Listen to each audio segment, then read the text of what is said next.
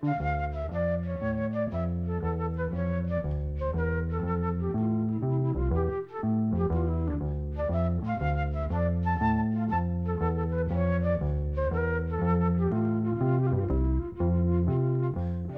sæl.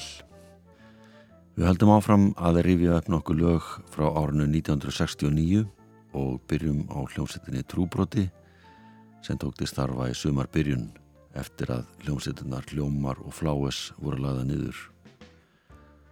Þau sem skipuðu Trúbrot voru Seti Óvins, Gunnar Þórðarsson og Rúnar Júliusson sem komu hljómum og síðan Kart Sigvatsson og Gunnar Jökull úr Fláes. Þau byrja á því að fara til bandarækjan og spilu í klubbi Yonkers sem er stutt frá New York og svo komuð þau heim til Íslands og byrja að undirbúa sína fyrstu breyðskjöfu. Motown-lægið My World is Empty Without You eftir lagasmennar Leymond Dozier og bræðurna Brian og Eddie Holland var í uppáhaldi á Seti Owens. Supremes tríóið hafði hljóðrita þetta lag ára 1965 og það fekk íslenska þeggrétt í meðförum Trúbrots Tekstinn er eftir Þorstein Eggertsson. Allt er svo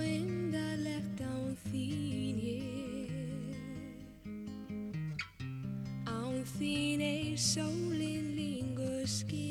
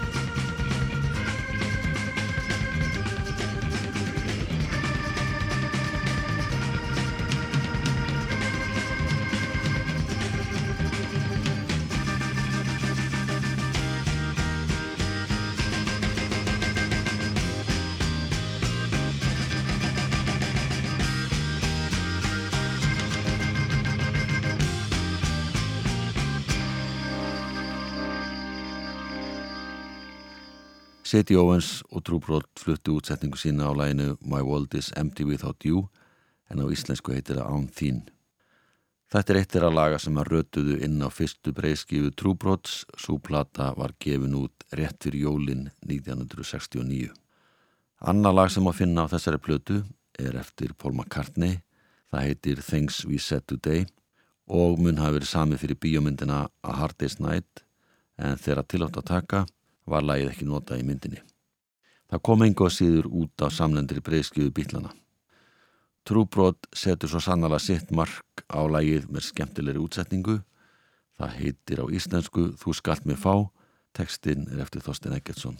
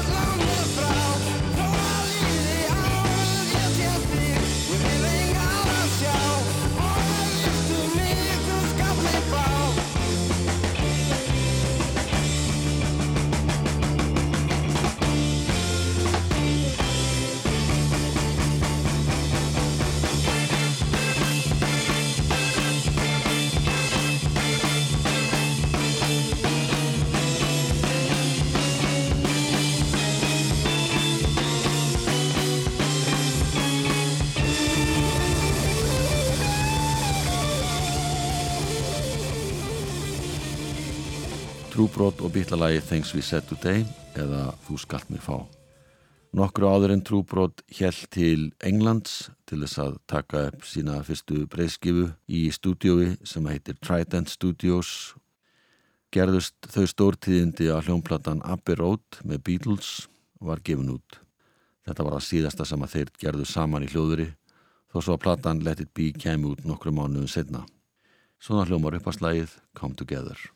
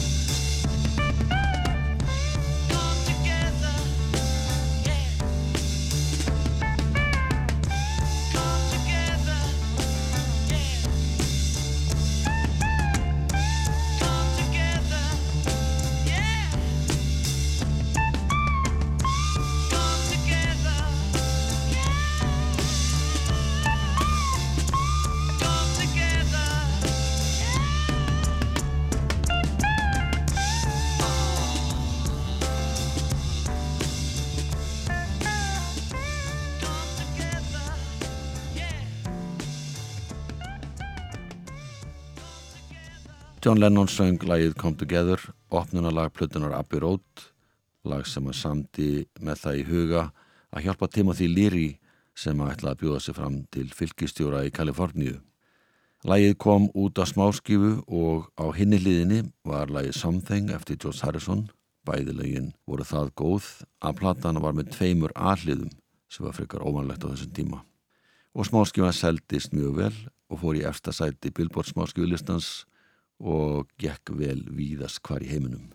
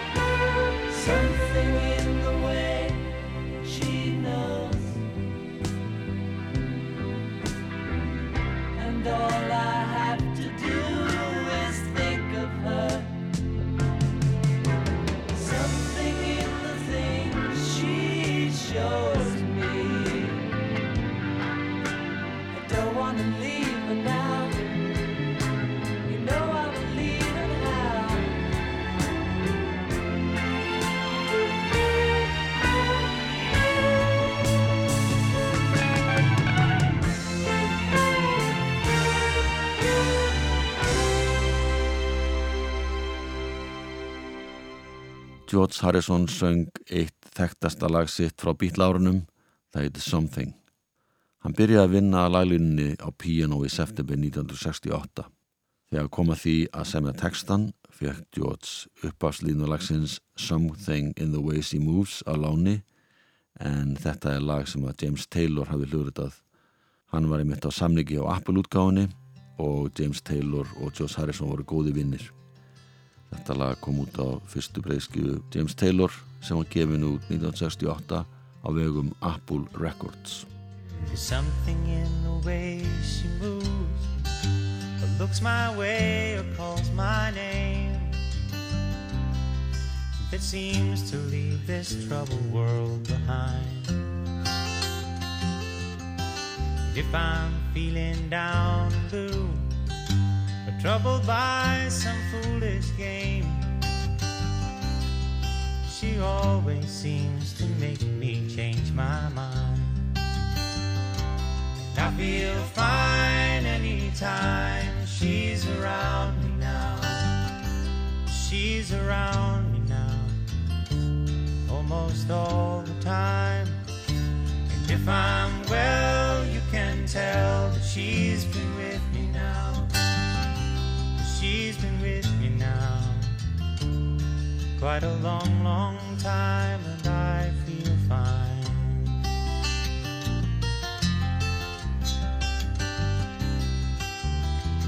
Every now and then, the things I lean on lose the meaning, and I find myself careening in places where I should not let me go. Has the power to go where no one else can find me. Yes, and to silently remind me of the happiness and good times that I know. Well, I said I just got to know them. It isn't what she's got to say, or how she thinks, or where she's been. To me, the words are nice, the way they sound. I'd like to hear them best that way. It doesn't much matter what they mean. But she says them mostly just to calm me down. And I feel fine anytime she's around me now. She's around me almost all the time. If I'm well, you can tell that she's been with me now. She's been with me now quite a long, long time. Yes, and I feel fine.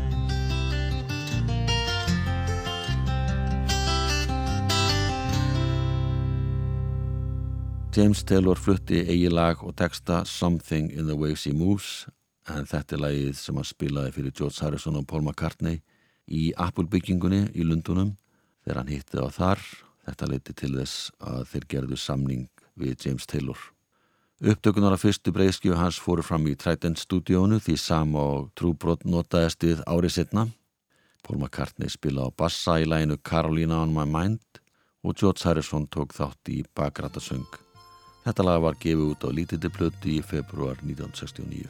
In my mind, I'm gone to Carolina. Can't you see the sunshine? Now, can't you just feel the moonshine? And ain't it just like a friend of mine to hit me from behind? Yes, I'm gone to Carolina in my mind.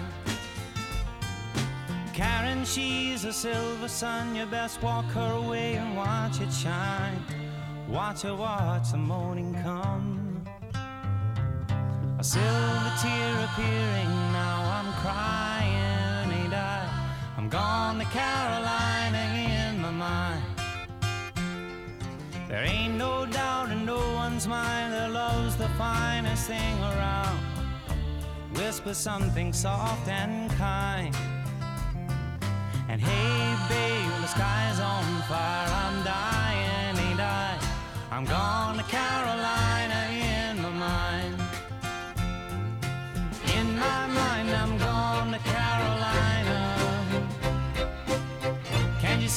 Sunshine?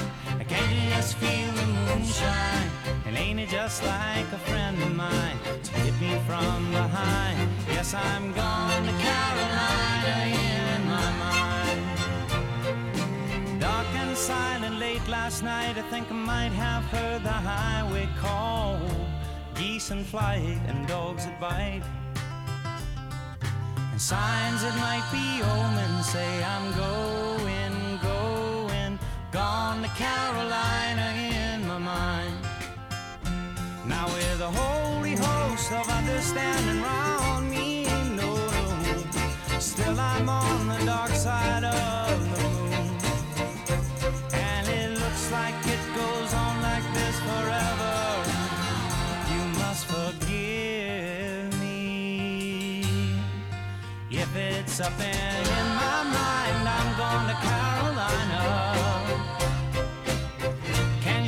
sunshine? Can you just feel the moonshine? And ain't it just like a friend of mine to hit me from behind? Yes, I'm gone to Carolina in my mind. In my mind, I'm gone to Carolina. Can you see the sunshine? Or can you just feel the moonshine? And ain't it just like a friend of mine to hit me from behind? Yes, I'm gone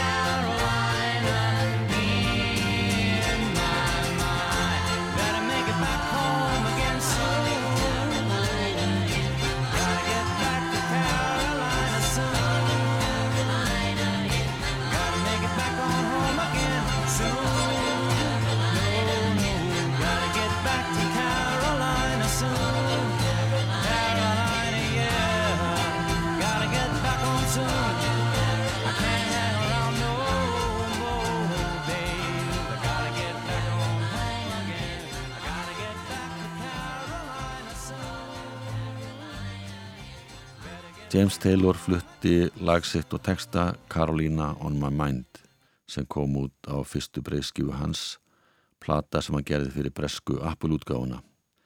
Þessi hljómplata fekk góða dóma en seldist ekki vel, svo Taylor flutti aftur heim til bandarækjana og gerði næstu plötu fyrir allt annað útgáfafyrirtæki, endalaug starf sem er Apple í beinu framalda því að bítlarnir hættu.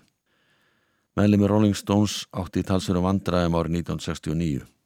Gítaleikarin og fyrir leiðtói þeirra, Brian Jones, fekk ekki vegabrjöfs áriðum til bandarækjana vegna fíknefna dón sem hann hafði hlotið í Brellandi. Augdes var hann ófærum að spila vegna eitulega neslu. Hini tóku þá örlaðaríku ákvörðun að reka nú sveitinni og ráða í hans stað ungan gítalegara Mick Taylor. Síðasta lagi sem að Brian Jones hljóðritaði með Rolling Stones áður en að var rekin heitir You Got the Silver. Og það eina sem hann gerir í þessu lagi er að spila á dulcimer sem að heyrist varðla í þessari upptöku.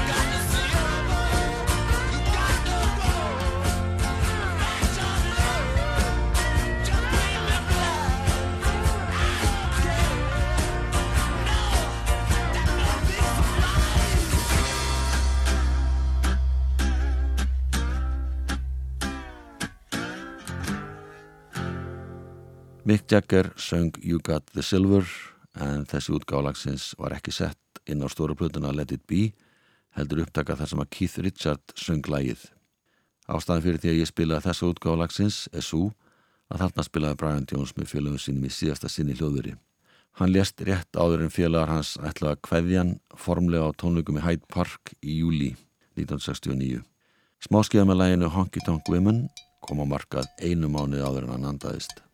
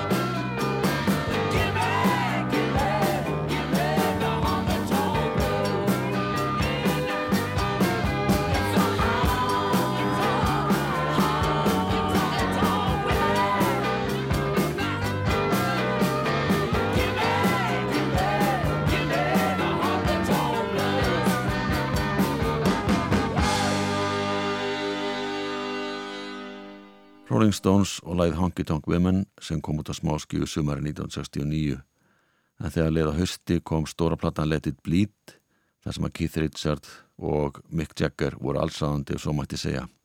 Þeir sömdu átta af nýju lögum plötunar eina lagi sem var ekki eftir þá var bluesinn Lovin' Wayne eftir góðsögna Robert Johnson og það má geta þess að lagið Honky Tonk Women var ekki á uppræðanlegu breyðskjúinni því var bættinn síðar. Gospelsöngunan Mary Clayton setur mikið svip á lagi Gimme Shelter. Hún syngur þarna vegna þess að upptökustjórin Jack Nietzsche vildi gerna að fá kvenrött inn í lagið. Hann ringdi í hana og hún mætti á síðustu stundu. Rétt náði að syngja þetta og það var nú eiginlega þetta, þessi söngur sem jók áhrifamátt textans og lagsins. En textin fjallar um það hversu berskjaldaði venlegu borgarar geta verið gagvart óhugnað og ílsku þegar stríðsátök eiga sér stað.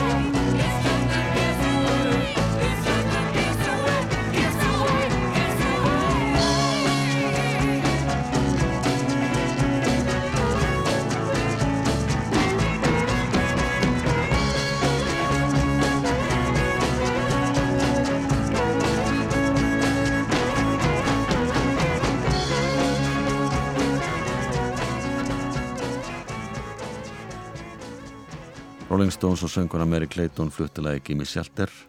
Teksta þessa lags samdi Mick Jagger eftir að hafa hort á fréttamyndir frá Vietnam þar sem hann sá að óhugnaðurinn var skelvilegur. Söngvarinn og lagasmurinn David Jones sem að hafði nýverið breyttu nafn og var fann að kalla sig David Bowie gerði aðra soloskífu sína árið 1969.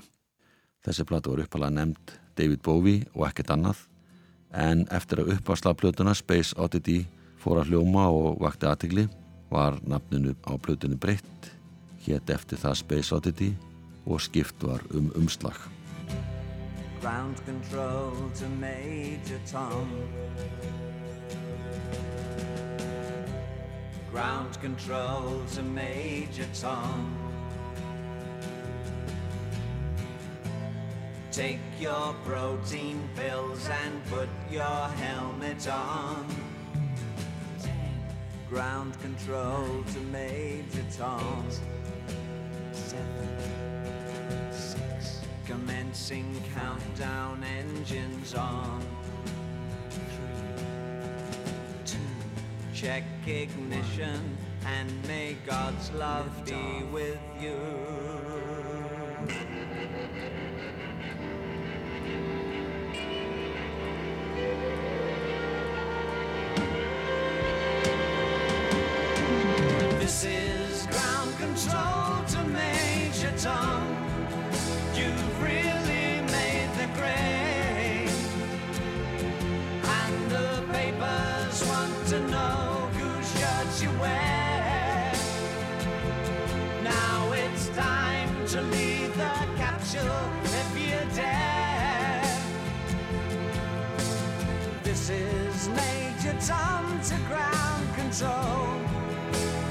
The door, and I'm floating in the most peculiar way, and the stars look very different today.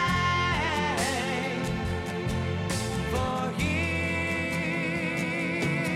am I sitting in a tin can.